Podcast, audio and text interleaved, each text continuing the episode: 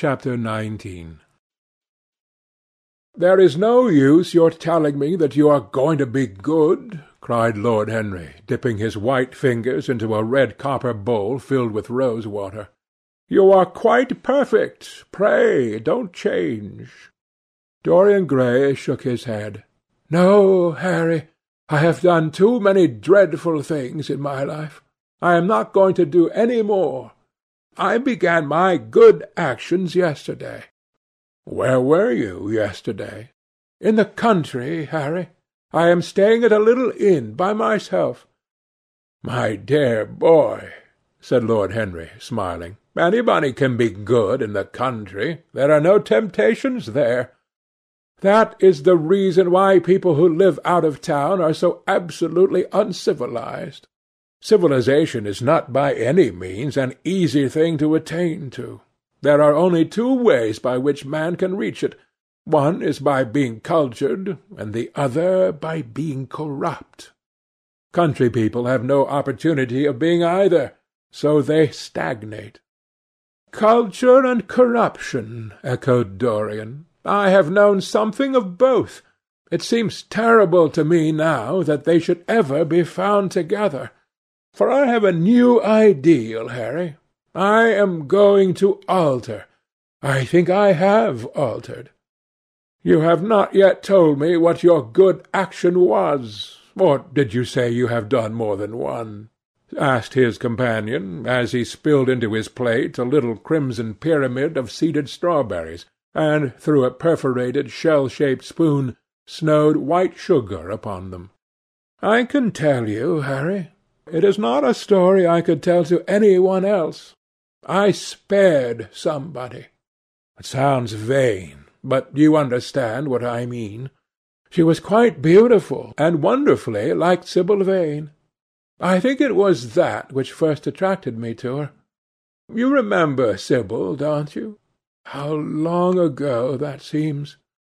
Well, Hetty was not one of our own class, of course. She was simply a girl in a village. But I really loved her. I am quite sure that I loved her. All during this wonderful May that we have been having, I used to run down and see her two or three times a week. Yesterday she met me in a little orchard. The apple blossoms kept tumbling down on her hair, and she was laughing. We were to have gone away together this morning at dawn. Suddenly I determined to leave her as flower-like as I had found her. I should think the novelty of the emotion must have given you a thrill of real pleasure, Dorian, interrupted Lord Henry.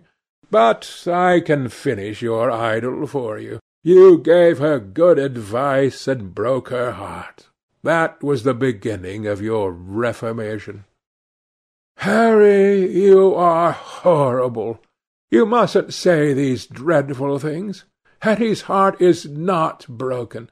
Of course she cried and all that, but there is no disgrace upon her. She can live like Perdita in her garden of mint and marigold. And weep over a faithless Florizel, said Lord Henry, laughing as he leaned back in his chair. My dear Dorian, you have the most curiously boyish moods. Do you think this girl will ever be really content now with any one of her own rank? I suppose she will be married some day to a rough carter or a grinning ploughman. Well, the fact of having met you and loved you will teach her to despise her husband, and she will be wretched. From a moral point of view, I cannot say that I think much of your great renunciation. Even as a beginning it is poor. Besides, how do you know that Hetty isn't floating at the present moment in some starlit mill-pond, with lovely water-lilies round her, like Ophelia? I can't bear this, Harry. You mock at everything, and then suggest the most serious tragedies. I am sorry I told you now. I don't care what you say to me. I know I was right in acting as I did. Poor Hetty! As I rode past the farm this morning, I saw her white face at the window, like a spray of jasmine. Don't let us talk about it any more, and don't try to persuade me that the first good action I have done for years, the first little bit of self-sacrifice I have ever known, is really a sort of sin. I want to be better. I am going to be better. Tell me something about yourself. What is going on in town? I have not been to the club for days. The people are discussing poor Basil's disappearance. I should have thought they had got tired of that by this time, said Dorian, pouring himself out some wine and frowning slightly. My dear boy, they have only been talking about it for six weeks, and the British public are really not equal to the mental strain of having more than one topic every three months. They have been very fortunate lately, however. They have had my own divorce case, and Alan Campbell's suicide. Now they have got the mysterious disappearance of an artist. Scotland Yard still insists that the man in the grey ulster who left for Paris by the midnight train on the ninth of November was poor Basil, and the French police declare that Basil never arrived in Paris at all. I suppose in about a fortnight we shall be told that he has been seen in San Francisco. It is an odd thing, but every one who disappears is said to be seen in San Francisco. It must be a delightful city, and possess all the attractions of the next world. What do you think has happened to Basil? Said Dorian, holding up his Burgundy against the light, and wondering how it was that he could discuss the matter so calmly. I have not the slightest idea. If Basil chooses to hide himself, it is no business of mine. If he is dead, I don't want to think about him. Death is the only thing that ever terrifies me. I hate it. Why? said the young man wearily.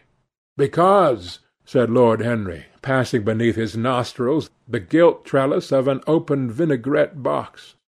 One can survive everything nowadays except that. Death and vulgarity are the only two facts in the nineteenth century that one cannot explain away. Let us have our coffee in the music-room, Dorian. You must play Chopin to me. The man with whom my wife ran away played Chopin exquisitely.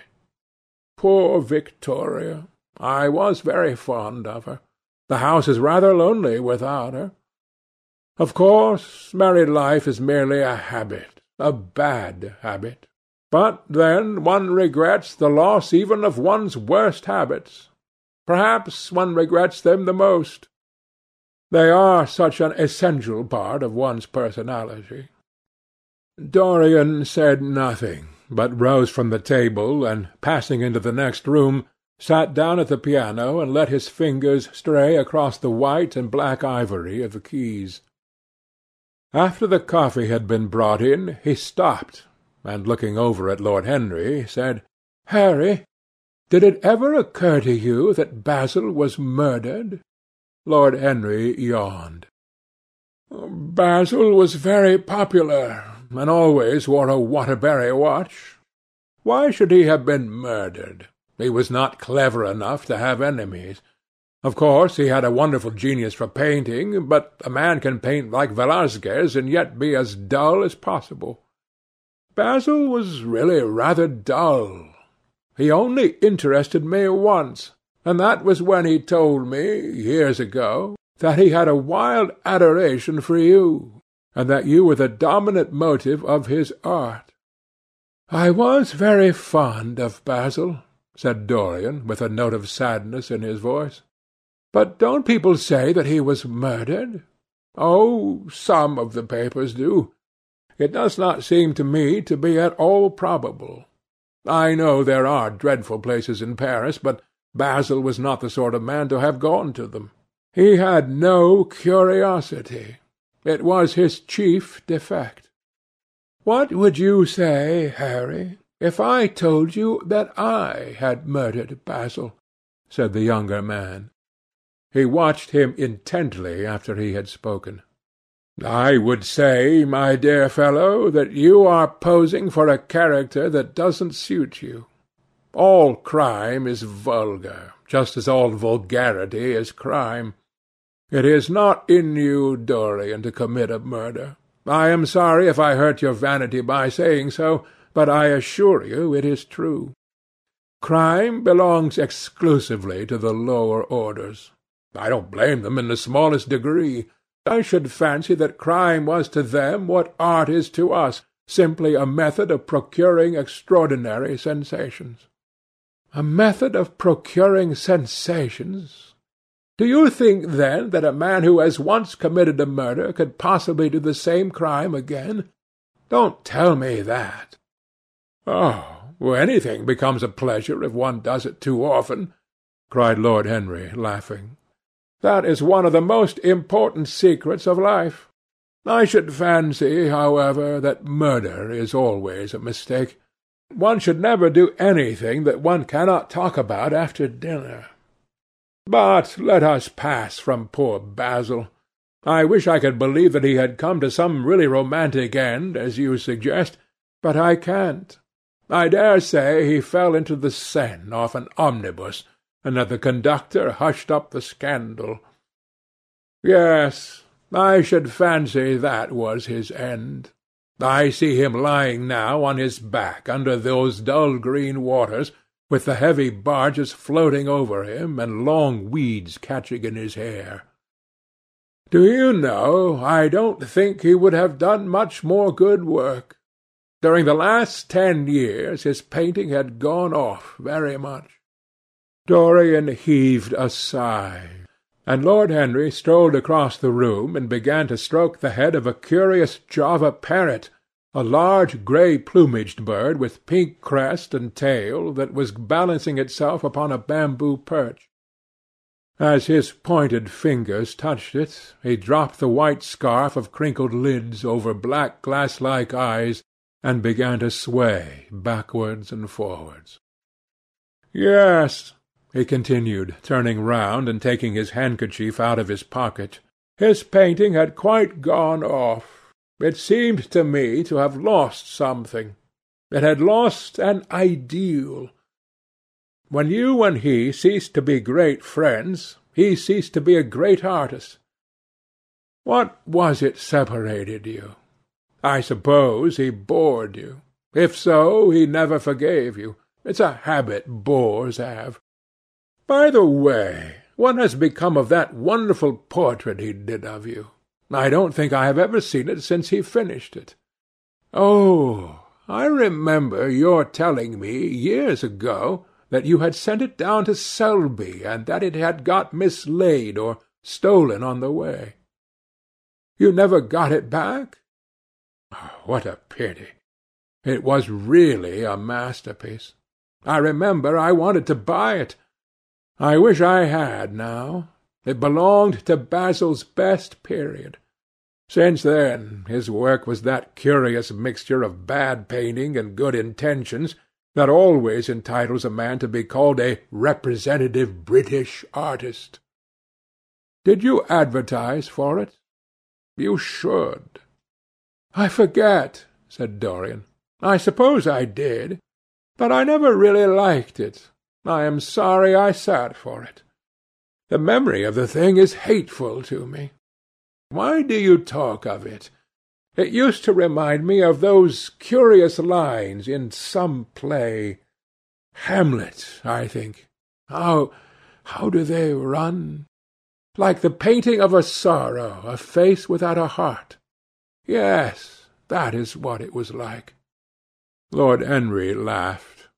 If a man treats life artistically, his brain is his heart, he answered, sinking into an arm-chair. Dorian Gray shook his head and struck some soft chords on the piano. Like the painting of a sorrow, he repeated, a face without a heart.